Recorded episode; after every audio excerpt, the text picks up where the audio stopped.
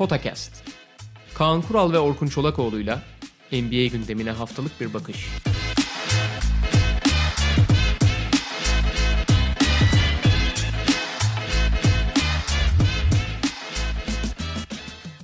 Merhaba, Podcast'a hoş geldiniz. Geçmiş draftları incelemeye, onlar üzerine konuşmaya devam ediyoruz Kaan Kural'la birlikte. E, 2010 draftına gelmiştik. Geçen hafta tek bir draft, 2009 draftını konuşmuştuk. Bugün süreye göre bakacağız duruma. 2010 draftıyla başlıyoruz. Özellikle tepede çok ilginç isimlerin olduğu, ilk 10-15 sırada oldukça ilginç isimlerin olduğu bir draft. 2010 draftı ve 2 numara lanetinin bu draftta da devam ettiğini görüyoruz Kaan abi. Evet aynen öyle. İki, e, iki numara laneti. Abi o zaten geleneksel bir lanet de e, bu draftta en azından şey durumu vardı. Hani ilk ikiyi seçeceğiz, hangisini seçeceğiz, yanlış seçer miyiz gibi bir durum yoktu. Çünkü bu draftta bir numara belliydi. Yani draft öncesi herkesten daha farklı bir yerde gözüken bir isim vardı.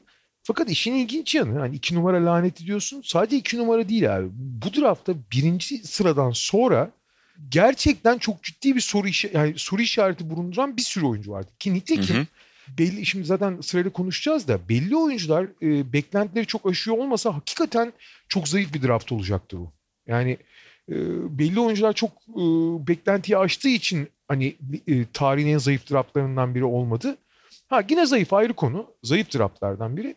Ama belli oyuncular bunu biraz hafif de olsa kurtardı bu draftı. Evet. Onlara bahsedeceğiz. Şimdi bir numara yani zaten belli e, Kentucky'nin oyun kurucusu. John Wall yani NBA'in gördüğü belki de tarihin gördüğü en büyük topla en süratli oyuncu. inanılmaz bir atlet. Çok kuvvetli. Yani, böyle bir atletizm çok nadir gelir yani. Ee, ondan daha süratli oyuncu ben NBA'de hatırlamıyorum açıkçası. Topla daha süratli. Dikine sürat anlamında. Hı hı. Yani geçtiğimiz yıl sakatlığı vesaire bir tarafa artı hani e, kariyeri boyunca iş ahlakı biraz soru işareti olmuştu. Şutu hiçbir zaman gelişmediği için özellikle oyun değiştikçe yani şimdi bu 2010 draftı hani ilk 3-4 sene çok problem olmadı. Tam tersine hani o olgunlaşma sürecinde bir süper yıldıza doğru evrilirken basketbolun değişmesi onun şut eksiğini çok ön plana çıkardı belki. Hatta bir sezonu %7 üçlükle tamamladığı sezon var ya. Yani şaka gibi yani.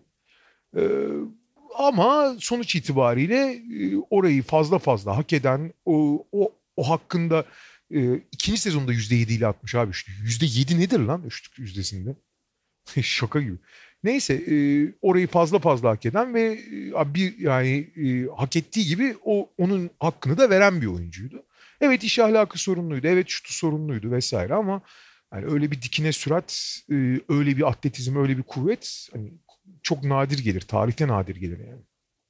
Öyle ve yani NBA'in en değerli oyun kurucularından birine zaten dönüşmüştü e, sonrasında.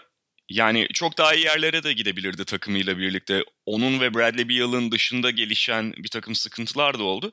E, bu yani son geçirdiği sakatlıkta kariyerini çok büyük ölçüde bitirmiş olabilir. En azından bildiğimiz John Wall anlamında bir daha onu görmeyebiliriz sahalara dönse bile. Çünkü çok yani ağır iki sakatlığı üst üste geçirdi ve senin de söylediğin gibi fazlasıyla atletizm ağırlıklı bir oyunu olduğu için öyle bir sakatlıktan ee, öylesine daha doğrusu iki sakatlıktan yani paket halinde gelen sakatlıklardan dönmesi Can Wall'un biraz daha zor gözüküyor. Bir de e, biz de hep konuşurduk yani podcast'in zaten dinleyicileri bu söyleyeceklerimize aşinadır ama sakatlık öncesindeki böyle yaklaşık bir, bir buçuk yılda da maalesef iş ahlakı anlamında çok serbiş bir e, John Wall vardı karşımızda.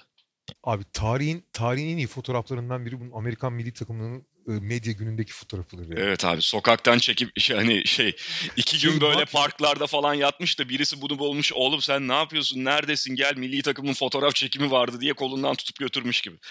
Abi ona şey diyorlardı ya Twitter'da şey when your media they shoot is a mugshot diye. Yani bu suçları çektiği resim var ya aynı onun gibiydi abi. Evet. Ve böyle şey evet. sadece e, saç sakal karışması anlamında değil. Yok yok. Yani e, no, hani ne derler ona işte sadece... Net akşamdan kalma abi. Net akşamdan kalma yani. Hani başka hiçbir açıklaması olmaz o fotoğrafın. Yani. Hayır hem... Ağzı burnu dağılmış abi. Hem öyle hem de aldığı kilo yüzünden o kadar belli oluyor ki tabii, tabii, sakalı tabii, falan da olmasına rağmen şey. Yani net bütün yaz çalışmamış izlenimi veriyordu zaten. bütün yaz çalışmamış. Ee, bir gece önce de sabaha karşı 6'da yani e, iki şişe viskiyi devirdikten sonra uyumuş yani. Öyle bir hali var. Peki iki numaraya geçelim. Ee, Ha, son olarak şeyi söyleyeyim. Senin söylediğine küçük bir ek olarak. Yani ne dedik? En büyük özelliği tarihin gördüğü dikine yani topla en hızlı oynanan oyuncuydu. E, Aşil koptuktan sonra bunun zarar görmemesi mümkün değil. Bu zarar gördüğü zaman da John Wall'dan geriye kalanlar çok o kadar etkileyici olmuyor işte. Evet, evet. Maalesef. Ee, iki numara Evan Turner. Yani şöyle sen de az önce bahsetmiştin. Sonuçta John Wall buradaki oyuncu grubundan öne çıkan, ayrılan bir numara zaten olması beklenen oyuncuydu. Fakat yani Evan Turner da bu drafta girerken atıyorum e, 4 numaradaki Wesley Johnson, 6 numaradaki Ekpe Udoh gibi görülen bir oyuncu değildi. Ben mesela Kobe Bryant'ın galiba Evan Turner hakkında o dönem söylediği bir şeyi hatırlıyorum ki Ohio State gibi köklü bir okuldan da geliyordu Evan Turner. Yani o da beğenilen bir oyuncuydu kolej kariyeriyle. Fakat NBA'de 3 sayıyı bir türlü geliş, geliştiremeyince özellikle Philadelphia sonrası dönemde e, çok hızlı patladı Turner. Ya 3 sayı geliştiremedi diyorsun ki çok haklısın ki yani özellikle şimdi abi zaten bu 2008, 2009, 2010 draftlarında oyuna giren e, lige gelen oyuncuların yani daha sonra takip eden 5 yılda ligin ve oyunun değişimiyle bir anda nereden nereye geldiğini veya gelemediğini falan çok gördük. Yani o bunlar örnek. Fakat Evan Turner ile ilgili haklısın. Yani özellikle e, şutu olmadan etkili olan oyuncuların sonra bu şut eksikliğinin nasıl e, kariyerlerini bitirdiği bir sürü örnek var. Fakat Evan Turner ile ilgili sorun şu abi. Evan Turner çok zeki bir. Tamam biliyorsun şey dışında basketbol dışında falan acayip komik, acayip Evet. keskin zekalı falan. İyi iş ahlakı olduğu hep söylenir. iyi bir arkadaş olduğu falan. Fakat abi e, yani oyunu tamamen ha, iyi bir pasör falan. Fakat korkunç top kaybı yapıyor abi bir taraftan da. Yani hani tamam şut atamıyorsun falan da abi oyuna başka bir şekillerde biraz hani destek ver de ikincili oyun kurucu olarak falan idare et bari gittiğin yerlerde. Abi hem şut sokamıyorsun hem bitiriciliğin yok. Abi, bir de şey de çok önemlidir abi ben onu hep söylüyorum ya. Abi şut atamıyorsan bari bitirici ol. Yani potaya gittiğin zaman. Orada da bir şey yok. E, korkunç top kaybı da yapıyorsun. E, o zaman abi nasıl sahaya çıkacaksın yani sen? E, o biraz da şeyle alakalı abi. Çok haklısın. İşte NBA'de özellikle şut atamayınca ve top yönlendirmeye kalkan bir oyuncu olunca sıkışık alanlara mahkum kalıyorsun. Doğru, doğru söylüyorsun. Yani çünkü e, dışarıdan e, oynarsan oyna yapıyor rakiplerde haliyle. Yani Philadelphia kariyeri tabii skorerliği falan orada biraz daha düşük profil bir takımda daha fazla öne çıkma e, fırsatı buluyordu Evan Turner. E, Daha iyi gözüküyordu. Hatırlarsın Indiana'ya takasında yani oraya oyununu nasıl adapte eder soruları vardı ama sonrası hiç olmadı ve e, hızlı biçimde bir rol oyuncusuna dönüşmek zorunda kaldı Evan Turner. 3 numara Derek Favors. Bu da Nets'in seçimiydi ve 3 numara hakkını şey ondan sonra Utah falan da işte e, Derek Favors bir sene sonra mı göndermişlerdi? Bir sene sonraydı galiba. Bu Darren Williams takasının Tabii. bir parçasıydı. Hatta o sezonun ortasındaymış ya. Ortasında mıymış? Evet Pardon. evet.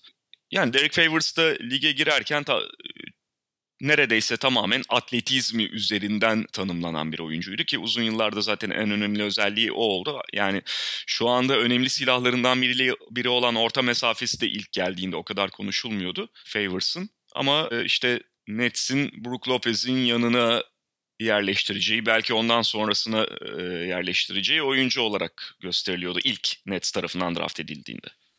Ve draft edildiğinde çok yani draftın en iyi uzunu ama 4 numara gözüküyordu ama işte basketbol değişikçe 5'e evrildi.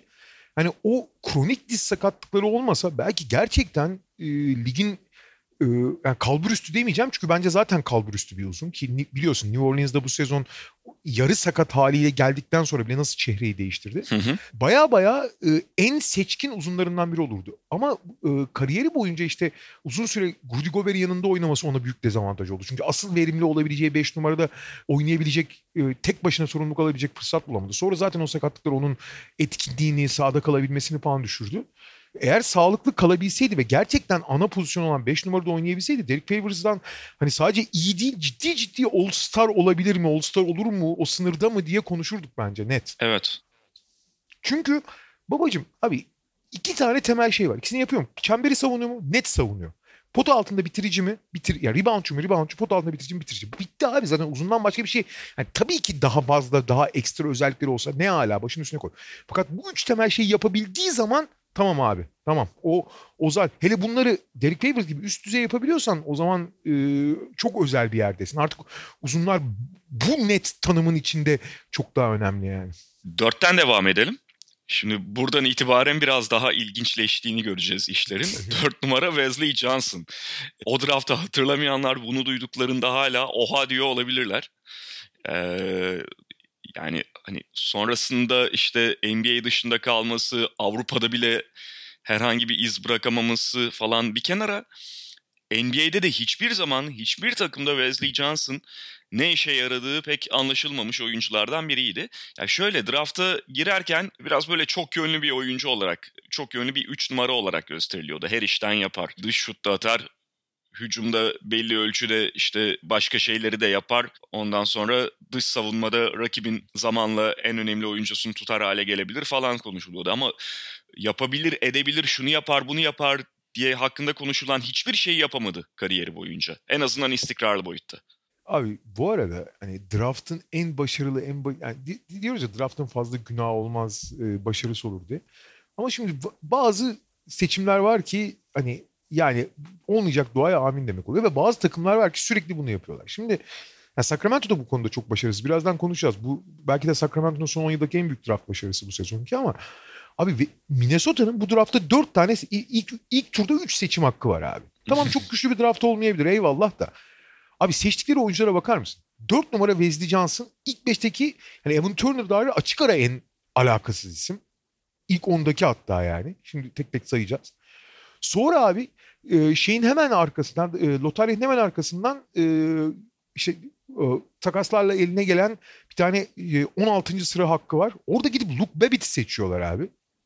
Ya Luke Babbitt'i de biliyorsun yani hani beyaz bir şütör ve hiçbir e, sahada olma ihtimali olmayan bir yaşlı Hiçbir hareketlilik yok. Hiçbir şey yok. Mobilite yok. Hiçbir şey veremiyor. Kariyeri zaten olmadı. Bir daha bir 23. sıra ilk turun sonlarında bir seçim. Hadi o en azından e, soyunma odasındaki katkısıyla kısıtlı sürelerde bir şeyler verebiliyordu.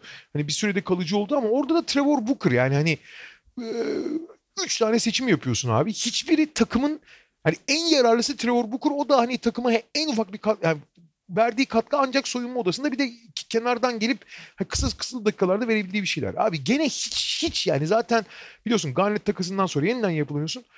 Curry Murray takasını konuşmuştuk. Ondan sonra saçma sapan seçimler arka arkaya yani yine. yani hani şimdi e, sen de biraz önce bahsettin sonuçta bu draftın özellikle tepelerinde bir sürü hayal kırıklığı yaratan isim var ama yaratmayanlar da var. E, birazdan Wesley Johnson'ın arkasından gelenleri de konuşacağız. Ve Minnesota'nın dolayısıyla neler kaçırmış olabileceğini konuşacağız. Se- senin ekleyeceğin bir şey yoksa devam et. Ee, tabii yani tekrar şeyi söyleyeyim. Wesley Johnson e, ya sonuçta bir şeyler de bekleniyordu. Tamam bir süperstar olması beklenmiyordu ama en azından işte çok yönlü bir tamamlayıcı olması bekleniyordu ama hiçbir şeyi istikrarlı yapamadı NBA kariyeri boyunca. Ve savruldu o da. 5 numara mesela iyice ilginç bir seçim bu defa olumlu bir seçim olarak DeMarcus Cousins'ı seçti Sacramento Kings ki hani daha o gün Sacramento'nun kucağına bir şeyin düştüğü, e, Sacramento'nun draftın şanslı takımlarından biri olduğu konuşuluyordu. Fakat işte neden de Marcus Cousins buraya kadar düştü sorusuna da verilen hemen e, bir yanıt vardı. E, sonrasında çok örneğini gördüğümüz saha dışı problemleri, basketbol dışı problemleri o gün de şüphe yaratıyordu ve e, belli ki hani e, Minnesota gibi takımlar belki o yüzden de Marcus Cousins'tan uzak durdular ama Sacramento Kings 5. sırada seçti kendisini. Seçti ve e, bu draftın en başarılı iki oyuncusundan biri oldu. Yani şöyle e, üç tane bu draftın üst düzey oyuncusundan biri oldu bence. E, dördüncüyü katmayacağım konuşacağız zaten gelince şey yaparız. Hani e, işte klasik şimdi Bill Simmons yapıyor podcast'te yeniden draft etsen kaçıncı sırada seçersin diye. Yani o işte muhtemelen konuşuruz ama en başarılı 3 oyuncusundan biri bence bu draftın. Hadi 4 tane zaten üst düzey oyuncu var bu draftta. Onlardan biri oldu. Ve son 10 yılda Sacramento Kings'in en başarılı draft seçimi ha sonra problemler falan yaşandı elbette ama bunda DeMarcus Cousins'ın karakteri kadar Sacramento'nun e, onun çevresinde hiçbir şey yapamamasıyla alakası var ama e, Sacramento'nun ayrıldığı sezon e, şimdi sakat arka arkaya sakatlıklarla artık kariyeri bitti bence de Marcus Cousins ama Sacramento'nun ayrıldığı sezon Abi boyalı alanda e, yani neredeyse Shaquille O'Neal'a yaklaşmış bir korkunç bitiricilikte falandı. E, inanılmaz bir ya, o fiziğe rağmen spin hareketleriyle bitiricilikleri falan muhteşemdi. Çok belli bir seviyenin üzerinde pasör falandı. Yani yeni nesil Shaquille O'Neal olmaya olmayı olmuş gibiydi yani. Tamam Shaq çok ekstrem bir barometre belki ama e, neredeyse onun gibiydi yani hani etkisi pota altında özellikle. Ha pota altı etkinliği tabii basketbolda biraz düşmüştü ama ne olursa olsun. Hı hı. Şeyi düşünüyordum bir yandan abi işte Minnesota hani belki de onun o sağ dışı problemlerinden basketbol dışı problemlerinden korktu dedik. Hani Minnesota'nın o yıllardaki pivotu kimdi diye bir yandan ben düşündüm. Hani Al Jefferson vardı ama 2010 yazında zaten Al Jefferson şey gönderildi. Ee, Utah'a geçti. Şey de Pekovic de o yaz geliyor. Evet. Ki tamam Pekovic özellikle bayağı başarılı oldu ama geldiğindeki beklentiler oldukça düşüktü Pekovic'ten. Yani evet. hani e, Pekovic alacağız o pivotumuz hazır diye almıyordu onu Minnesota. Yok yani hani Minnesota pekala alıp işte Kevin Love'ın yanına koyabilirdi de Marcus tabii, Cousins'ı. Tabii, tabii, tabii. 6 numarada Ekpe Yudoh var. Tanıdık bir isim ama NBA'den tanıdık bir isim değil. NBA kariyeri onun adına büyük bir hayal kırıklığı oldu. Ya yani şöyle e, Yudoh'u tabii Fenerbahçe'de oynadığı dönemde de çok konuşuyorduk ve NBA'de kendisi için nelerin ters gittiğini de zaman zaman konuşmaya, değerlendirmeye çalıştık. Ekpe Yudoh da e, tam böyle NBA için kıs Avrupa için çok yeterli olan fiziği ve atletizmi NBA için biraz kısa kalan oyunculardan. Evet. Bunun yani yanında NBA, senin de NBA, pardon. NBA'de sıkleti yetmedi abi. Evet. Senin de az önce söylediğin o şut konusunda da Ekpeyuda NBA'de hiçbir zaman istikrarlı olamadı. Hani oradan da kendisine bir ekstra kapı açamadığı için e, sıkışıp kalmıştı. Ve her zaman bu Fenerbahçe'deyken de aslında çok konuşulmuştu. İş ahlakı biraz soru işareti oyunculardan biriydi Ekpeyudo. Özellikle antrenman alışkanlıklarından. Maçta ayrı konu. Hani maça çıktığı zaman başarıları oldu. Bu da Obradovic'in bence bir başka başarısıdır. Yani öyle soru işaretleri barındıran ve hiç antrenman sevmeyen bir oyuncudan o kadar e, verim alabilmek de çok özel bir durum. Ama NBA'de hem sikleti yetmediği zaman hem de soyunma odasında ya da doğrusu antrenmanda hiç etki yapamayınca yeniden yapılanma sürecindeki Golden State'te ki uzun arayan bir Golden State'te doğru düzgün rotasyon oyuncusu bile olmadı ki hani düşün eğer kalsaydı Ekbe Yudoh ve e, o gelişimi gösterebilseydi Abi Golden State'in en ihtiyacı olan rolü oynayacak, oynayacaktı çoğu zaman. Zaza'nın işte Andrew Bogut'un arkasında ikinci pivot. Bazen daha fazla dakika kalan 5 numara olarak falan çok iş yapardı yani. Tabii ki. Yani o takımda Festus Eze ile oynadı ciddi evet. süreler. 7 numarada Greg Monroe var. Ee, Ekpe Yudoha, Wesley Johnson'a göre çok daha parlak NBA kariyeri en azından bir aşamaya kadar olan bir oyuncu.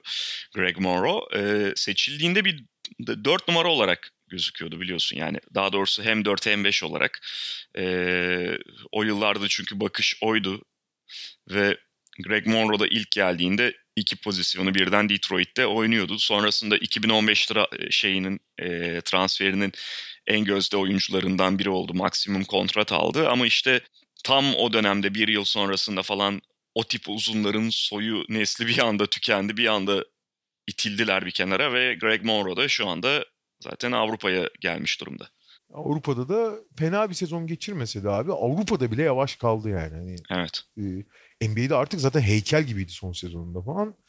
İşte e, 10 yıl önce NBA'ye gelmiş olsa e, baya baya hani bir kariyer edinirdi ama hem çok geç geldi hem de kendini hiç geliştirdi. Şeyden zaten kendisi e, uzun geleneği zengin bir kolejden Georgetown'dan geliyor.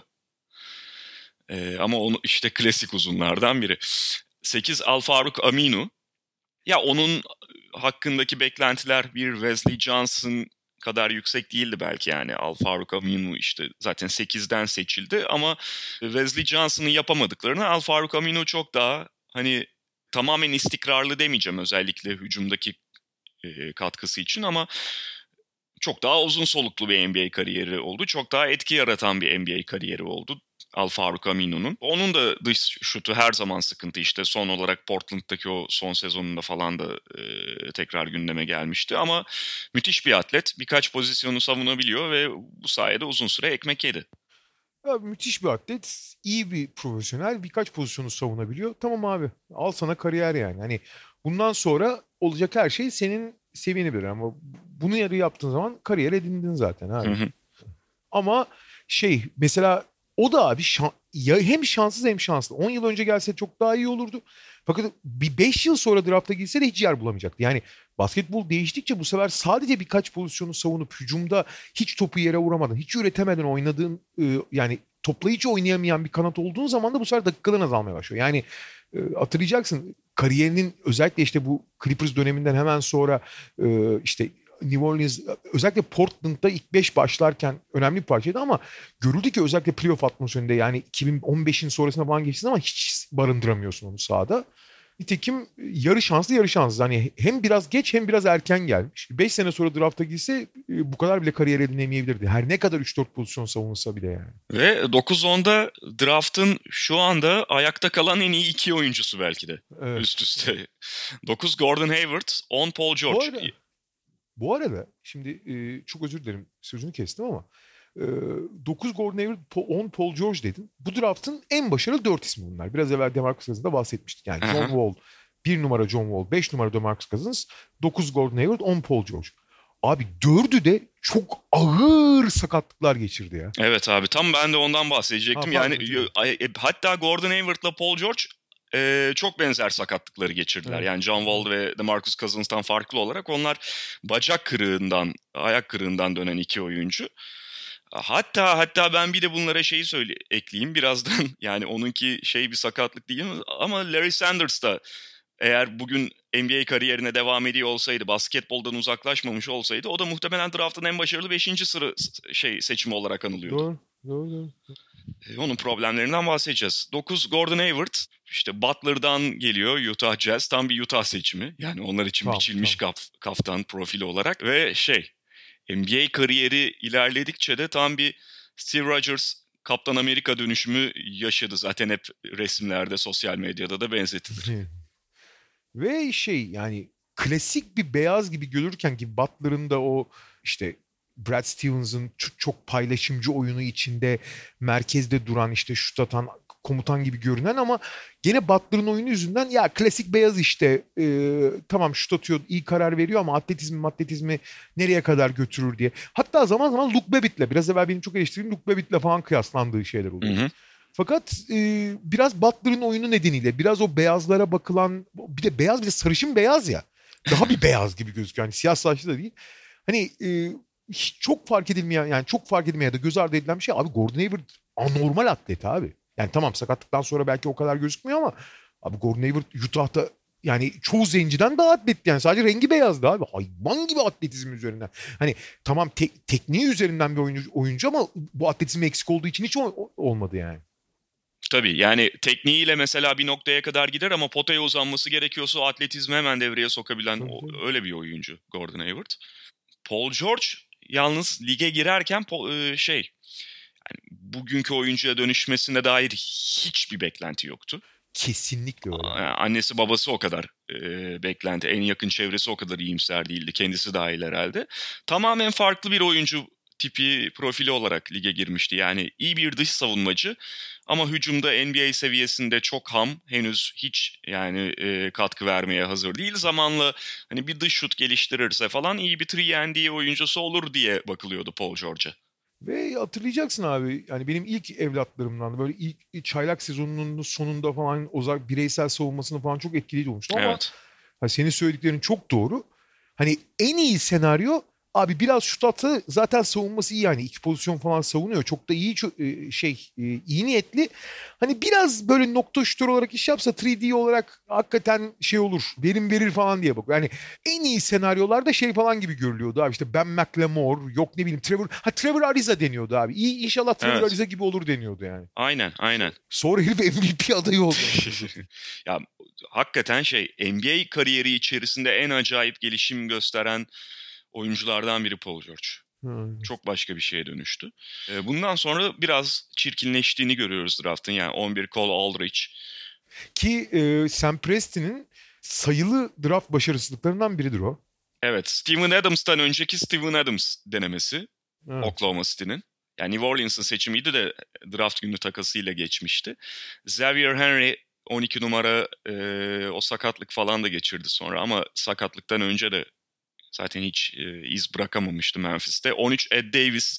Hani tamam hani bugüne uzanan NBA'de iyi bir rol oyuncusu olma serüveni var ama hiçbir zaman böyle ilk 5 seviyesinde gerçek anlamda yeterli gözükmedi Ed Davis. Ee, Çünkü hiç şut şey, geliştiremedi. Bir de Ekbe Yudoh'a benzer sorunları vardı. Yani hep bisiklet düşüktü. Yudoh'un aksine çok iyi bir iş ahlakı ve çok iyi bir soyunma odası oyuncu olsa olduğu için bence barındı. Hı hı. Ee, ama sıkıntı hiç yetmedi yani NBA'ye. Yani 14 Patrick Patterson yine rol oyuncusu, yedek oyuncu olarak NBA'de bugüne kadar hala gelen bir oyuncu. Ama 15 Larry Sanders ilginç. Evet. Patterson'la ilgili şöyle bir şey var. Patterson da şanslıydı biraz. Basketbolun değişimi çok yaradı. O işte ne bileyim bir uzun gibi ne rebound alabiliyor ne adam savunabiliyor. Yani hiç boyunun adamı değildi ama iyi şut soktuğu için basketbol değiştikçe ona e, hep bir yerlerde bir roller bulundu yani. evet. Ve 15 Larry Sanders. Yani az önce de söylediğimiz gibi bugün Larry Sanders basketbola devam ediyor olsa muhtemelen işte Paul George, Gordon Hayward, John Wall ve DeMarcus Cousins'la birlikte bu draftın en başarılı 5 seçiminden biri olarak anılacaktık kendisini. Evet.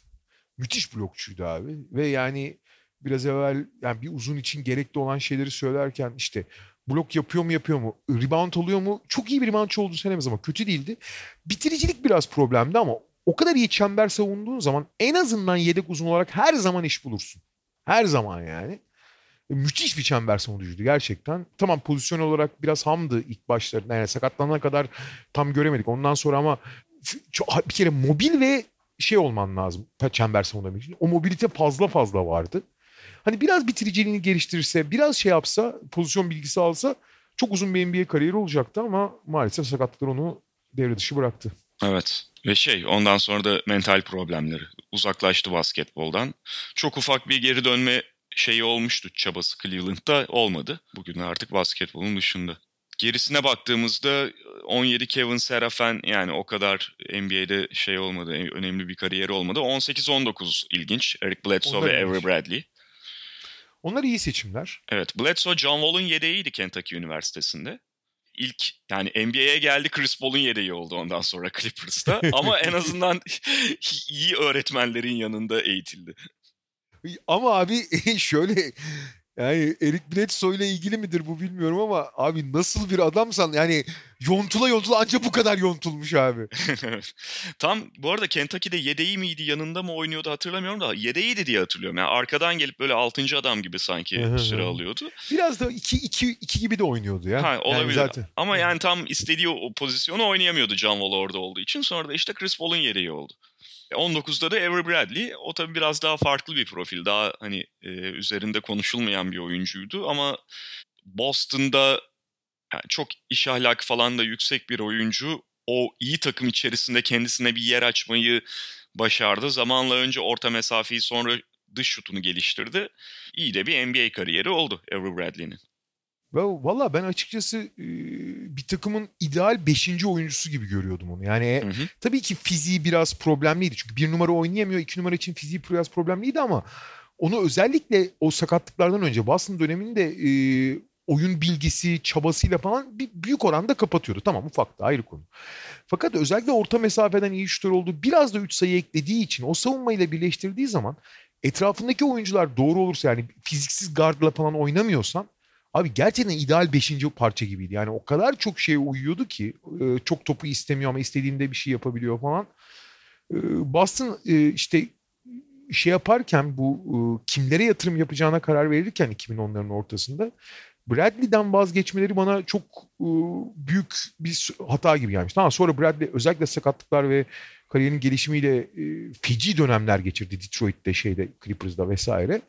Ee, şimdi Lakers'da iyi oynuyor ama işte gene bak Lakers'da gene kendine ideal yani takımın 5. oyuncusu olarak evet. e, gene çok tabii ki sakatlıklar öncesindeki halinde olsa çok daha iyi olurdu ama gene kendisine uygun rolü bulmuş durumda takımın 5. oyuncusu olarak. Evet. İyi bir takım, iyi bir takımın 5. oyuncusu olarak. Ve işte hani dış şut atabildiğinde ki bu sene özellikle son dönemde tekrar atabildiğini görüyorduk. Rakip oyun kurucuya sürekli baskı yapan bir silah olarak bir yeri var Avery Bradley'nin. Yani çok e, fizik olarak ezilmiyorsa eğer. Bundan sonra bir süre çok konuşacak bir oyuncu bulamayabiliriz. Yani James Anderson, Craig Brackens, Elliot Williams falan diye gidiyor 20-21. İlk tur ilk turun sonuna kadar bence bir tane kaydeder oyuncu var. Hatta bir buçuk hadi. Bir buçuk. Jordan Crawford mu diyecektin? Yok be abi. Gravis Vasquez. Yani sakatlanana kadar Gravis Vasquez. Doğru. Gravis Vasquez evet onun da şutu problemli olduğu için otomatikman e, sezonlar ilerledikçe etkisi düştü ama abi hem fizikli hem çok doğru seçim yapan hem mücadeleden geri atmayan geri adım atmayan bir guard olarak hakikaten çok iş yaptı abi Gravis Vasquez. Sakatlıklar onu kariyerini baltalayana kadar yani. E, hakikaten e, iyi bir ilk 5 oyun kurucusu mu dersin? O biraz soru işareti ama hani e, 1-2 oynayabilen e, atıyorum e, yanında gene bir combo guardla birlikte bayağı guard işini rahatlıkla götürebilecek seviyedeydi ilk 4-5 sezonunda Gravis Vasquez. Ha, sonra şut problemleri vesaire onu biraz şey yapsa da geride tutsa da e, yani 28. sırayı seçimi için çok çok başarılıydı bence Gravis Vasquez. Buçukta herhalde Quincy Pondexter. Evet bu, bu buçukta o. Buçukta o. Ee, benim bahsettiğim Jordan Crawford da bir dönem en azından hani adından söz ettiren bir skorerdi. Skorer derken yani NBA'nin en iyi skorerlerinden biri değil ama e, aldığı rol ölçüsünde. Fakat işte geçen programda falan da bahsettiğimiz Mark Thornton'da galiba bahsediyorduk. Yani skor yapıp başka çoğu şeyi yapmayan ve attığından fazla götüren oyunculardan biri oldu. Sonra da zaten ve, çok tercih edilmedi. Ve hiç iş ahlakı falan olan bir oyuncu değildi. Yani. Evet. İkinci tura baktığımızda tabii Hasan Whiteside en ilginç isim ki ilk yıllarında hiç öyle bilinen bir oyuncu değildi. Zaten NBA'in de dışında kalmıştı hızlı biçimde. Evet. Çok insanın sabrını test ettiği için bugünlerde de aslında olduğu gibi Lübnan'a falan uzanan bir basketbol kariyeri var ama sonra bir şekilde Miami Heat'te bulduğu şansı değerlendirdi. Miami onu adam etti. Kendisi de belki biraz ulan bir kendime çeki düzen vermem gerekiyor farkındalığına vardı. Ve bir kontratlık atılım gösterdi. Valla parayı götürdü yani daha ne yapsın. O da yeter zaten. Ama yani e, kendisine çeki düzen verdiği zaman ve oynamaya niyetli olduğu zaman o fizikle, o zamanlamayla falan muhteşem olacağı kesin.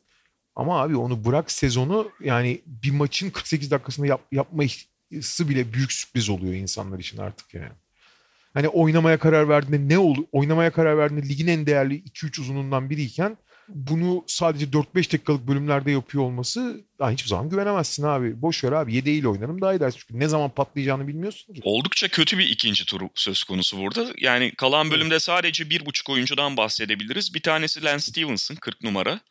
Ee, Indiana Pacers tarafından seçildi. Yani Lance Stevenson e, yayınlarda da zaman zaman bahsetmişizdir. New York'ta işte yetişirken kolej falan öncesinde harika çocuk falan gibi gösteriliyor. Yani biraz fazla yetenekli olarak gösteriliyor ama çok iyi bildiğimiz problemleri nedeniyle ondan sonrası pek öyle harika gelişmiyor Lance Stevenson için. İşte drafta girerken ikinci tura düşmüş durumda. İlk senelerinde tutunmaya çalıştı.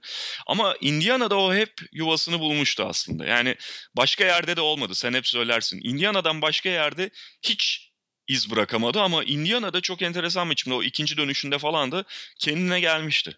Ya ona işte alanı bırakırsan kendine oynayabileceği alanı, kendine saçmalayabileceği alanı bir şeyler yapıyor ama yani her an saçmalama potansiyeli de var ama Indiana'da bir şekilde bir şeyler yaptı doğru söylüyorsun. Hani çok etkili miydi? Biraz soru işareti ama katkı verdi mi? Verdi. Buçuk diye bahsettiğim oyuncu da Landry Fields'tı. Çünkü en azından ilk senelerinde, ilk iki senesinde Landry Fields'tan bir şey oluyor gibi gözüküyordu. Yani çaylak sezonu hatta büyük bir başarı New York Knicks'te. Sonrasında ikinci sezon da fena geçmedi ama Toronto'dan itibaren ki kontrat alıp gitmişti. E, büyük patladı Landry Fields. Valla ben bir buçuk oyuncu daha sayacağım. E, yarım oyuncu olarak Luke Harangodi'yi söyleyeceğim. Sonra Avrupa'ya falan gelip başarılı olmadı ama ilk senelerinde Boston'da bir şeyler yapmıştı. Esas Nemanja Bjelica var. E, gerçi Hı-hı. hemen gitmedi. Ama Doğru. Nemanja Nemanja Bjelica yani hemen gitmemiş olsa da Nemanja Bjelica en az Lance Stevens'a kadar yani ikinci turda e, abi koca yani şimdi ikinci turdan bir şey beklemiyoruz hep söyledik. Ama abi 30 oyuncu arasında da belli bir rotasyon parçası olacak. Biraz katkı verecek 3-4 tane 5-6 tane oyuncu çıkıyor yani. Abi bu draft ne kadar fakirmiş ki. Bir Nemanja Bjelica bir e, şeyden bahsediyoruz. Lance Stevens'dan. Lance Stevens'ın ki sorununu sadece Indiana'da veriyor. Nemanja Bjelica evet şimdi kendini buldu. Hani belli bir katkı veriyor ama bir tek Nemanja Bjelica abi. O da klasik şey kumarı. Yani abi Avrupa'da iyi çocuk varmış deyip kumar oynayıp oynuyorsun. Ki bahsettiğimiz yıl e, 2010 yani Nemanja Bielica'nın öyle Fenerbahçe'de falan kendi gösterdiği o e, profesöre dönüştüğü halinden önceki Nemanja Bielica Yok yani. Baskonya'ya daha yeni transfer olmuştu. Evet, evet, evet. Böyle 2010 draftı. 2011'e geçelim istersen. Yani Geçelim, bunun ikinci turu çok kötüydü çünkü. Aynen. 2011'den bahsedelim. Ee, şimdi yine bir iki numara meselesi önümüze çıkacak. Bir Evet Kyrie abi. Irving, iki Derek Williams ve yani tekrar hatırlatalım. Derek Williams, Kyrie Irving tam anlamıyla kafa kafaya olmasa da Derek Williams bir numara seçilebilir mi diye de soruluyordu. Kyrie Irving banko değildi bir numarada. Şöyle aslında evet haklısın. Aslında Kyrie Irving'in yani bir numara seçilme ihtimalini çok çok daha yüksek görüyordu fakat Kyrie Irving daha sezonun hemen başında sakatlandığı için Duke'da e, bir takım soru işaretleri oluşmuştu. Abi işte o sakatın etkisi olur mu? Tam göremedik vesaire falan diye Derek Williams onların yanına yaklaştırılmıştı. Ama sonuç itibariyle aslında Kyrie Irving'in bir basamak yukarıda oyuncu olduğu biliniyordu ama işte dediğim gibi sakatlıktan dolayı biraz yakınlaştı ama hani kıyasladığın iki oyuncuyu düşünürsen de draft sırasındaki algılar ne farklıymış be abi diyorsun yani. Öyle abi ve şey Derek Williams'ın Arizona'daki o ikinci sezonu gayet iyi bir sezon. Tabii tabii çok iyi sezon. Çok iyi sezon. yani. Yani Kyrie Irving senin söylediğin gibi Duke'da hemen hiç oynayamıyorken Derek Williams gayet iyi bir NCAA sezonunun ardından geliyor. Ama bir numara Kyrie Irving oldu ki yani sonrası zaten e, diğer oyuncuların da gösterdiği performanslarla e, tartışmasız. E, Kyrie Irving e, daha son dönemde gösterdiği tuhaf zihinsel saçmalıkları göstermeden önce de yani gösterse de fark etmez. Yani çok çok özel bir oyuncu olduğu kesin. Hani onun takım oyununa yatkınlığı ya da ta- takım uyumu falan ayrı tartışma konusu ama yani olağanüstü bir yetenek olduğu ya benim gördüğüm yani NBA tarihinin en, en müthiş ball handling'ine sahip oyuncu abi hiç. Yani ben o konuda bir numara görüyorum onu. Hı hı. Ama De- Derek Williams ise daha sonra hani bırak NBA'de tutmayı yani Fenerbahçe'ye gelene kadar hani e, üst düzey bir Avrupa Ligi'ne bile gidememişler. Baya şeyde e, Almanya'da kendini biraz toparladıktan sonra ancak işte biraz Euroleague için adı geçen bir oyuncu oldu. Bu, bu arada bu draftı yapan kim? Minnesota, tam onu söyleyecektim abi. Ay, e, tabii şöyle bir şanssızlık var. Şimdi burada Minnesota'ya çok bir şey söyleyemeyiz. Doğru. Çünkü demin de dediğimiz gibi hani Kyrie Irving seçildikten sonra zaten iki numaranın kim olacağı e, bir soru bile değildi. Ama Minnesota'nın bu cenabetliği devam ediyor orası kesin. aynen, aynen. Ama iki sene sürdü işte Minnesota kariyeri ki sonra da gittiği hiçbir takımda NBA'de zaten iz bırakamadı Derek Williams. Yani çok arada sıkışmış bir oyuncu oldu. Üç numara Lord Voldemort. Voldemort. Lord Voldemort.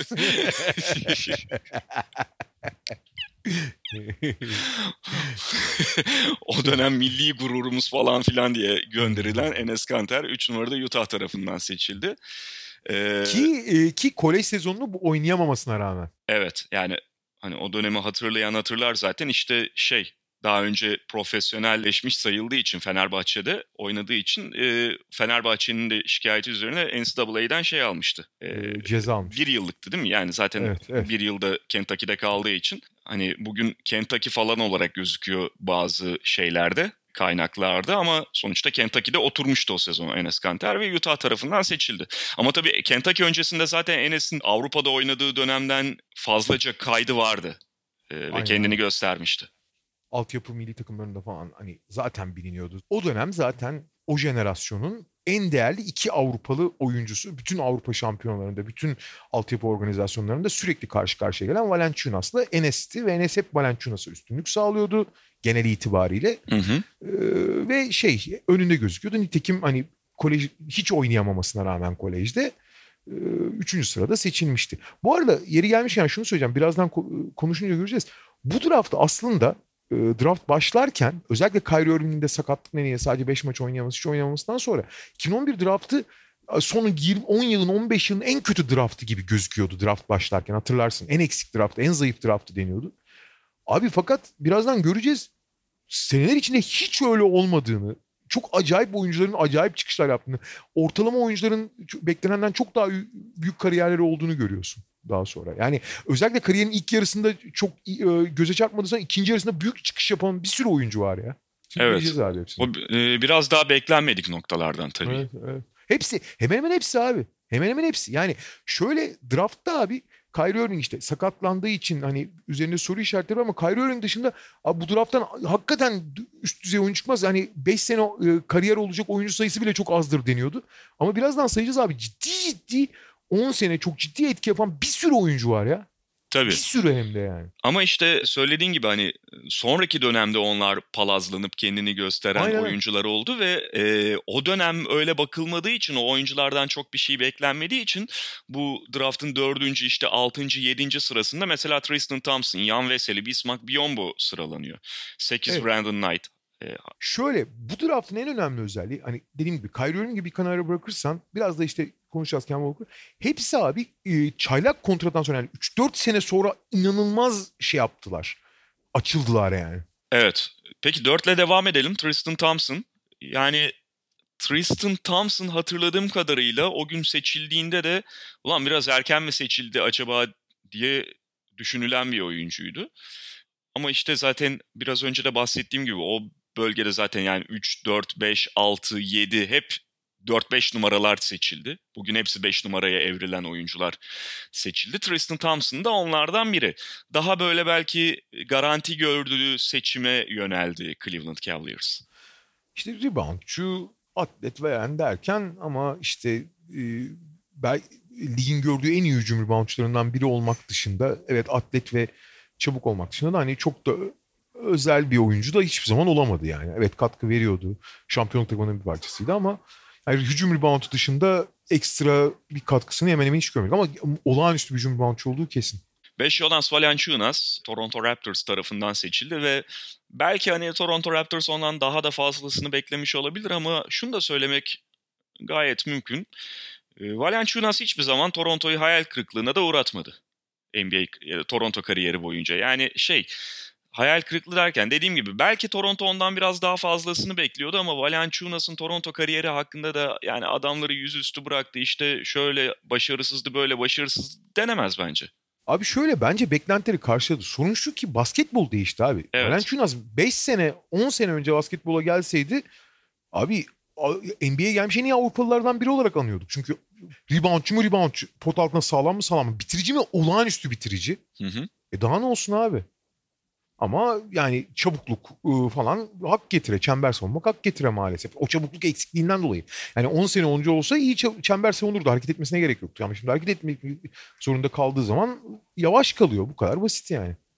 Ama mesela Greg Monroe durumuna da düşmedi Jonas Valanciunas. O kadar da değil. Ee, Veseli az önce ismi geçmişti 6 numara. Şimdi tabii Yan Veseli draft edilirken çok farklı bir oyuncuydu. Yani Evet. algısı, gelişi, Partizan'da acayip bir sezonun e, geride bırakmıştı Veseli ve yani daha da çok genç yaşta o gün.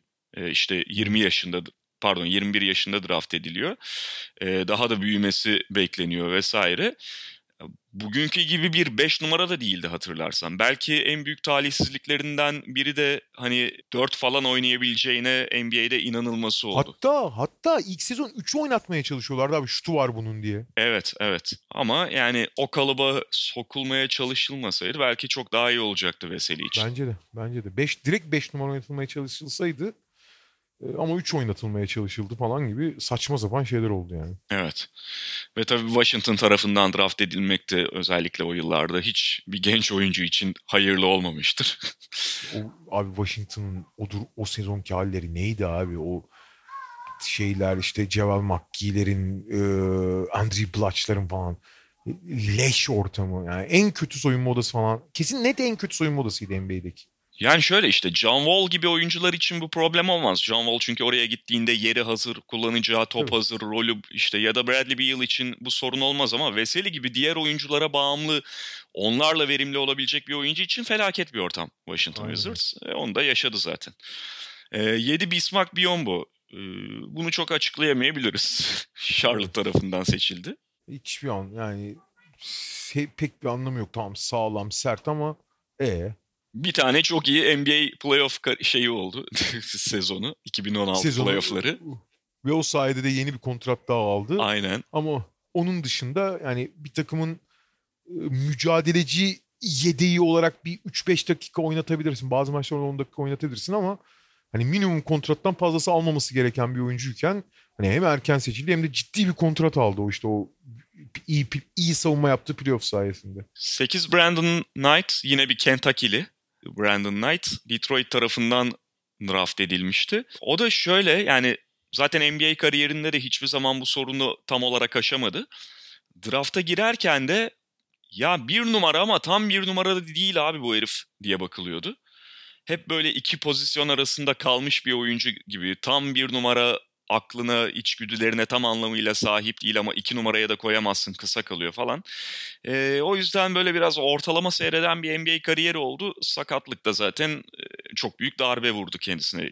Çapraz bağ koparmıştı Brandon Knight. Sonra 9 numarada müthiş bir NCAA turnuvası geçiren Kemba Walker seçildi ama işte o zamanlar çok eleştiriliyordu. Yani Charlotte her zaman olduğu gibi abi NCAA turnuvasında kim parlarsa onu alıyorlar. Kemba Walker da hiç istediklerini veremeyecek fizik olarak çok ufak tefek falan deniyordu ki e, özellikle kariyerin ilk 2-3 sezonunda bu tanıma uydu. Evet hani büyük anlardan çekinmeyen ama fiziği problem yaratan bir oyuncuyken sonra o da bence çok ciddi bir gelişim gösterip belki hani ideal bir lokomotif oyuncu olmadı. Yani takımı en üst sıralara taşıyacak bir oyuncu olma, seviyesine gelememese de o lokomotifliği gösterdi abi. Yani fiziğinin çok ötesinde bir karakter. E, hem de çok iyi bir karakter. Yani işler kötü giderken bile oyundan düşmeyen, o lokomotifliği yapabildiği kadar yapan. Tamam en güçlü lokomotif değil belki ama lokomotifti sonuçta. Yıllarca da Charlotte'ı taşıdı yani. Hani draftta beklenen abi kolej turnuvasında başarılı oldu diye seçtiğiniz gene elinizde patlayacak hiç olmadı. Tam tersine gayet de fazla fazla verdi istenenleri. Evet. Ee, ama Jimmer Fredette için aynı şeyleri söyleyemeyiz. Maalesef abi ya. O sezon kolej sayı kralı, kolejin muazzam skoreri. Ama herkes söylüyordu kolejde muazzam skorer olabilirsin ama yani bu yavaşlıkla bu ayak yavaşlığıyla falan NBA'de hiçbir şey olmaz deniyordu. Sacramento buna ikna olmadı bu söylemlere. Evet Sacramento kısmının altını çizelim. Yani oradan evet. itibaren zaten yıllar boyu Sacramento'nun müthiş seçimleri var ardarda. arda. Aynen. 11 ama çok farklı Clay Thompson. Şimdi Clay Thompson'ın bugün dönüştüğü oyuncuyu anlatmaya gerek yok ama Clay Thompson e, sırasının da biraz zaten ifade ettiği gibi o gün drafta gelirken şeyde Washington State'te yani çok da öne çıkmayan bir okulda 3 sezon geçirmiş olarak geliyordu. Ve, Ve abi şey babasının abi. eski NBA oyuncusu olması dışında Clay Thompson böyle çok iyi tanınan bir oyuncu falan değildi. Abi şöyle çok haklısın. Fakat Clay Thompson'ın bu oyuncuya dönüşeceğini görmek de gerçekten çok zordu. Ya tamam fizikli bir dış numara, iyi bir şutör. Fakat dribbling üzerinden hiç öğretmediği için hiç öne çıkacak bir oyunu da yoktu. Yani öne de çıkamıyorsun doğal olarak o şekilde. Hele kolejde. Ama dönüştüğü oyuncuya bak. Şöyle yeni bir Clay Thompson gelse abi tamam mı? Şu anda kolejde 5 tane Clay Thompson olsa yine abi keşfetmek çok zor ya. Gerçekten onu tespit etmek çok zor. Dribbling evet. üzerinden üretmeyen bir kolej oyuncusunun ulan bu adam işte iş alakıyla, savunma konsantrasyonuyla, o fiziğiyle çok fark yaratır. Özellikle doğru bir yapıda da nokta şutör olarak da müthiş iş yapar falan diyemiyorsun abi. Nasıl okuyacaksın onu yani? Oku, onu okumak çok zor. Ama evet, evet. E, belki de Stephen Curry'e olabilecek en iyi partneri, topla üreten başka oyuncuların yanına olabilecek belki de en iyi topsuz oyuncu, e, gelmiş hiçbir şey en iyi topsuz oyun, basketbol tarihinin, NBA tarihinin gelmiş hiçbir şey en iyi 2-3 e, topsuz oyuncusundan biridir herhalde Clay Thompson. Kesin. Yani hiç o topu yere vurmaya falan ihtiyaç duymayan. Abi işte o 63 attığı maçta şey ya klasik dünyanın en ilginç istatistiklerinden biri. Dribbling sayısı. Dribbling sayısı. Toplam 11 dribbling yaparak 63 sayı atıyor. Toplam elinde tuttuğu süre topu 63 sayı attığını toplam elinde tuttuğu süre 1 dakika 41 saniye ya. Şey gibi ceza sahası golcüsü gibi. aynen abi aynen. Ama oyunu iki yönlü oynaması falan tabii çok değerli oyuncu. Çok, Clay Thompson. Çok, çok, çok, çok. Ve o kadar şey goy goycu olmasına rağmen dünyanın en yüksek iş ahlaklarından birine sahip. Kesin. Yani ve sonraki dönemde işte tabii ki Stephen Curry çok önemli ama esas Golden State'i, o Golden State ulaşma, oluşumuna olanak sağlayan iki büyük draft başarısı Clay Thompson ve Draymond Green tabii ki seçildikleri yer itibarıyla da. Ee, 12 Alec Burks Utah Jazz tarafından. Yani şöyle seçildiği yere göre hayal kırıklığı olmadı bence Alec Burks'un NBA kariyeri bence. ama hiç e, o ilk günden beri gösterdiğinden bir adım öteye de çok geçemedi. Hep bir bench skoreri olarak kaldı Alec Burks. Aynen öyle. Ee, ama seçildiği zaman hakikaten beklentiler yüksekti. Karşılayamadı ama niye seçildiğini anlamak zor değil yani. 13-14 Morris ikizleri ee, hangisi hiçbir zaman hangisi ayrılmadıkları gibi burada da ayrılmadılar evet. neredeyse. Evet. İlginç olan Markif önce seçildi ve kariyerin ilk bölümünde yani son 3 sezona kadar Markif hep bir adım daha iyi oyuncuydu. Ama son 3 sezonda yer değiştiler. Bu draftın hikayesi o herhalde. Yani kariyerlerinin 5. 6. sezonundan sonra oyuncuların müthiş değişimler gösterdiğini görüyoruz. Bu ikizlerde de o değişmedi abi. Markif ilk 6-7 sezon hep daha iyi oyuncuydu. Hep ve önce seçildi. Ama şu anda Marcus daha üst profil oyuncu. Evet. Ve tabii o hani seçildikten sonra değişim gösteren oyuncuların birinci örneği Kawhi Leonard. Of. Of. Yani iki program önce falan galiba George Hill üzerinden Kawhi Leonard'ın yine ismi geçmişti. O gün hı hı. draft günü birlik kafa kafaya takas edildikleri için. Şey vardı işte yani Kawhi Leonard on, San Antonio tarafından seçiliyor ama o gün George Hill baya baya iyi bir oyuncu ve ilk düşünülen Aa San Antonio ne yaptı? George Hill'i gönderdi e, şeyiydi. Tepkisiydi. Tabii ki. Çünkü Kawhi Leonard abi bu oyuncuya, şu anki oyuncuyla alakası olmayan, hücumu son derece sınırlı, şutu olmayan, fizikli, reboundçu, savunmacı bir kanat gibi görülen Alfaruk Aminu hı hı. en iyi senaryo gibi gözüken bir oyuncuyken George Hill e, combo guard, şutu olan, takımı yöneten ve San Antonio'nun büyük bir draft başarısı olarak ve bir sonraki jenerasyonda San Antonio'yu bir sonraki jenerasyona taşıyacak oyuncu olarak gözüküyordu. Indiana bayıla bayıla yaptı bu takası. Herkes hatta Indiana'nın bayıla bayıla yapmasını bırak ben dahil ben de öyle düşünüyordum. Ulan George Hill bırakılır mı falan deniyordu. Ama inanılmaz bir sezgi. Bence yani San Antonio'da bu kadar tamam hani çok şey gördükleri belli bu takası yaptıkları için ama hani NBA'in en iyi oyuncusu, dünyanın en iyi oyuncusu seviyesine gelebilecek bir Kawhi Leonard'ı da kimse tahmin etmemiştir herhalde. Yani. Kawhi Leonard San Diego State'deki iki sezonunda NCAA'de ilk sezonunda yüzde 20 ile üçlük atıyor Kaan abi. İkinci sezonunda yüzde 29 ile atıyor. Yani şutu senin de söylediğin gibi gayet problemli bir oyuncu. Benim onun hakkında çok sevdiğim bir hikaye var. Yani burada çok kısa anlatayım. Bir sanırım Lee Jenkins yazısında okumuştum. İşte Kawhi Leonard'ın seçildiği draft 2011 draftı malum sonrasında lockout oluyor. 3 gün sonra falan lockout'a giriliyor. Çok kısa bir süresi var San Antonio'nun Kawhi Leonard'la bir araya gelmek için. Çünkü lockout döneminde takımların tesislerini falan kullanamıyor oyuncular. Big San Antonio'ya getiriyorlar. Şut koçu Chip England'la bir araya getiriyorlar. Kawhi Leonard'ı ve England bak seninle birebir çalışamayacağız bu durumdan ötürü ama senin uygulaman gereken program bu diye e, detaylı bir yaz çalışma, bireysel çalışma programı sunuyor Kawhi Leonard'a. Ondan sonra da işte şey, lockout. Takımla oyuncunun bağı kopuyor en azından resmi düzeyde falan.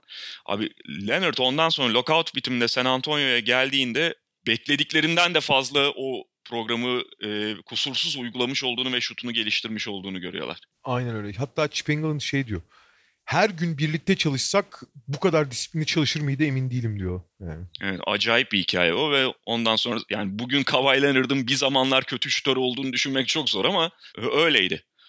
Tabii tabii. 16 Nikola Vucevic yine iyi bir seçim.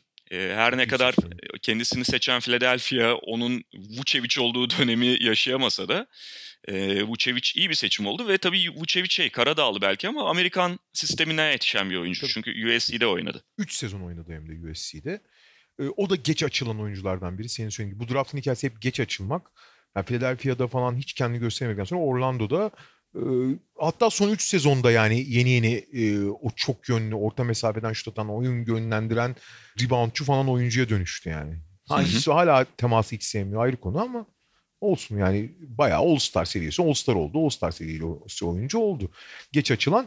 Bu arada bundan sonra devam edeceğiz. İlk turun sonuna kadar e, iki tane e, şey ilginç isim var ama gene geç açılma temalı bir sürü oyuncu göreceğiz. Evet. Chris Singleton da geç açıldı ama ancak Efes'te açıldı. Aynen. NBA'de tutunamadı.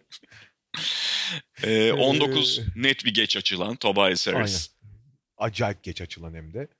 Yani e, her sene yavaş yavaş yavaş yavaş ilerleyip en son Clippers'dayken e, ciddi bir hamle yapıp hani All Star kapısına dayanan oyuncuyken zaten oradan e, büyük bir takasla maksimum kontratla Philadelphia'nın önemli oyuncularından biri oldu.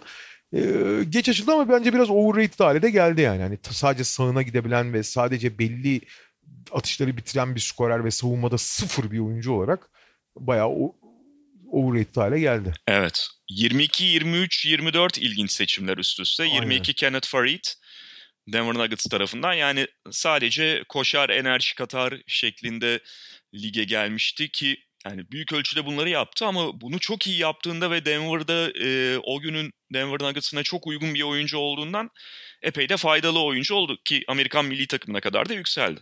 Ve 2014 o 2014 milli takımında muazzam işte yaptı abi. Evet. Hani muazzam iş yaptı gerçekten. Çok ciddi o atletizm farkını e, belli eşiklerin üzerinde yapabildiği zaman ne büyük e, fark yarattığını gördük. O yüzden bence mesela ideal Avrupa oyuncusu olurdu 2014 Dünya Şampiyonu gösterdiği için. Ama tabii en üst düzey atletizm ve en üst düzey konsantrasyonda oynamadığı zaman da ufak ve e, yetersiz kalıyor. Çünkü hiç şut yok, hiç dışarıdan bir bitirici yok, hiç oyun yönlendirme özelliği yok. Ancak anormal bir atletizm, anormal bir, mal bir reboundla etki yaratırdı. Dediğimiz gibi ilk senelerinde olduğu gibi ya da milli takımda olduğu gibi.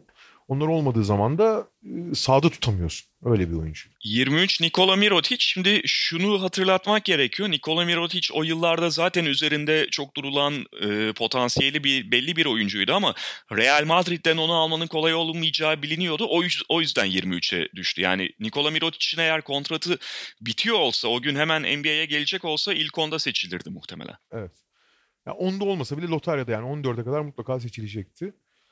Houston onu seçti. Yani o hakkı kullandı.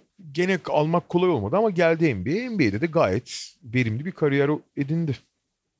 Evet. Hatta sonra geri dönmesi büyük sürpriz oldu. Evet e, yani erken mi bitirdi sorularıyla birlikte Barcelona'ya dönmüştü ve 24 bir diğer geç açılan e, Reggie Jackson. Yani geç açılan derken şöyle de bakabiliriz.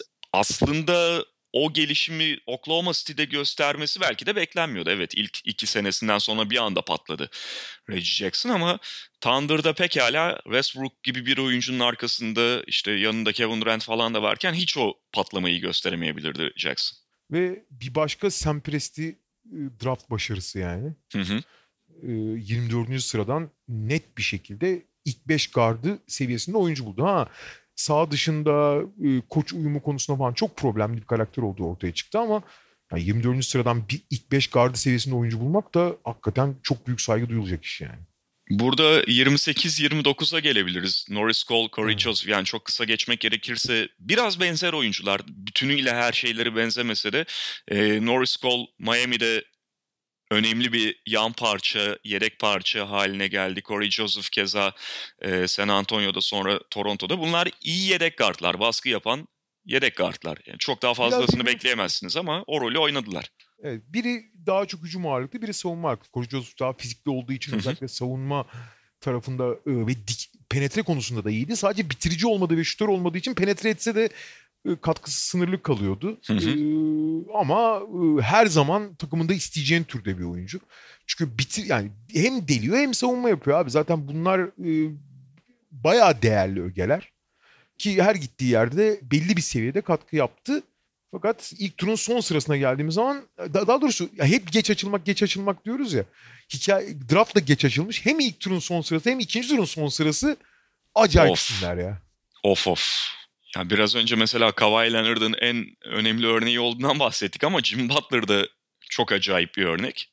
Aynen. Jim Butler da e, Chicago'ya geldiğinde çok sınırlı rol kendisine biçilen, o dönemlerde şu an olduğu oyuncuyla hiç alakası olmayan bir oyuncu ama müthiş bir kendini adama ve sonrasında gelişim gösterme, dönüşüm hikayesi Jim Butler.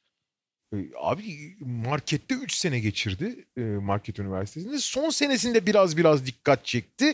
O da biraz dikkat çektiği için ancak ve ancak ilk turun sonunda seçildi yani. Hı hı. Sonra ama sonra nasıl bir oyuncuya dönüştüğünü hani bahsetmemize gerek yok şu anda herhalde. Ve yani o içerisinde kendini gösterdiği Chicago takımları da bayağı iyi Chicago takımları. Onun gibi bir genç oyuncunun da rotasyonu kırması hiç kolay olmayan Chicago takımları. Koçun da Tom Thibodeau olduğunu düşünürsek önce savunmasıyla daha sonra yani o savunmasıyla rotasyonu kırıp daha sonra hücumuyla öne bile çıktı. Nitekim ya belki bir süper yıldız olmadı ama abi e, lokomotif oyuncuya dönüştü. Önce Chicago'da sonra Minnesota'da daha sonra Philadelphia'da. Hı Abi Philadelphia e, iki, son ikisi yani Philadelphia geçen sene başarı ulaşırken son bölümde tamamen karar verici konumuna abi sen hallet diyor. Yani Embiid'den ve Ben Simmons'dan topu alıp Jimmy Butler'a teslim ettiler. E bu seneki Miami'yi zaten görüyoruz. Bu sene mesela bireysel anlamda rakamlarına baktığın zaman yüzdelerine falan baktığın zaman Butler iyi bir sezon geçirmiyor olabilir ama merkez rolde resmen LeBron Light gibi oynuyor abi. Kesinlikle.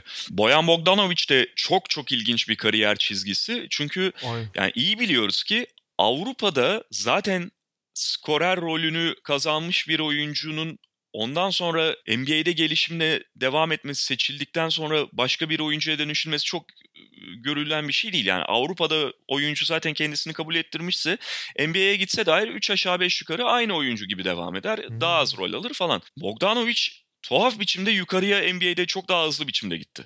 Evet ve yani Avrupa'daki abi Avrupa dış oyuncuların NBA'de barınması kolay olmuyor. Çünkü Avrupa'daki sürat e, ve kuvvetin çok daha fazlasıyla NBA'de karşılaşıyorlar. Dış oyuncular için çok daha zor bir süreç. Abi e, Avrupa'dan Avrupa'daki halinden daha iyi bir oyuncuya dönüşmek nadir olur. O da geç açılmak gibi görebilirsin. Boyan Bogdanovic onlardan biri. Tabii fiziği çok elverişliydi NBA'de başarılı Çünkü çok fizikli bir e, dış oyuncuydu. Ama aynı zamanda kendisini şey yaparak, geliştirerek, NBA'de de geliştirerek hakikaten özel bir oyuncuya ve yani baya baya kalburüstü bir e, kanat oyuncusuna dönüştü. Kaldı ki hani tamam çabuk hiçbir zaman çabuk falan bir oyuncu olmamıştır ama savunmada pozisyon bilgisiyle geri adım atmamasıyla falan çok iyi iş yaptı. Abi Lebron'la boğuştu kaç sezon ya? Evet. Yani iki, iki sezon Lebron'la boğuştu. Ha, iyi savunma yaptı mı biraz soru işareti ama boğuştu mu boğuştu abi. Yani geri adım atmadı Lebron'a karşı. Yani çok gerçekten etkileyici bir şey oldu. Grafik kariyer çizgisi oldu NBA'de yaptığı ki o dönemde Brooklyn'in biraz daha dağınık takımlarında oynadı. İşte bir sezon, yarım sezon Washington'da oynadı. Oralarda da kendisini yukarıya çekmeye devam etti. Sonrası işte Indiana ve Utah. Daha onun tarzına uygun takımlar esasında. Şeye gelebiliriz. 31'den 38'e atlarsak Chandler Parsons var 38'de. Aynen. İkinci turdayız. Hani bir takım denemeler yapılıyor ama hiçbir tutmuyor. İkinci tur hep kumar dedik ama burada ikinci turda tutan kumarlardan biri Parsons senin de söylediğin gibi. Lockout döneminde Şole'de Erman Kunter'le çalışmıştı. Ee, ve Houston'da çok büyük bir başarı oldu. Daha yani başından itibaren Houston Rockets'ta iyi katkı veren bir oyuncuya dönüştü. Hatta hatta o kontratını çok hızlı aştığı için transfer olmuştu 2014'te. Transfer oldu. Gerçekten hani iyi zaten bu tip bir oyuncunun bir kere e, hani sadece yakışıklı olmasının dışında yakışıklı diye çok hatırlanıyor ama e, kalbur üstü bir atletti. O da sarışın bir beyaz olduğu için atletin belki biraz e, göz ardı ediliyordu. Fizikli olmaması büyük problemdi. Yani fizik eksikliği vardı ama atletizm eksikliği yoktu. Hı hı. E, fizik eksikliği olduğu için savunmada biraz problemdi ama atletik o atlet olduğu için gene idare ediyordu. Ama nokta şutör olduğun zaman e, her zaman iş bulursun. Biraz da toplu, az da olsa toplu oynayabilmesi onu fena bir rotasyon parçası haline getirmemişti. Ve buradan da 60'a atlayalım son sıraya. Yok Şöyle Var abi işte e, bir iki şeyden bahsedeceğim. İşte klasik hani kumar oynanan işte Milan maç van bile seçildi abi burada. Hı hı. Hani klasik şeydir ya Avrupa'da abi şöyle bir çocuk varmış seçelim mi seçelim. İşte Adam Hanga gene Spurs'un denedi ki bence NBA hala gidebilir Hanga. Yani e, NBA'ye uygun bir oyun var.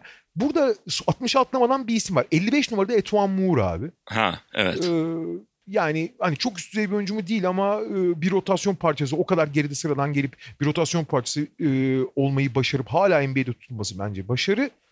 Ve 60'a gelelim abi. İkinci turun son sırası.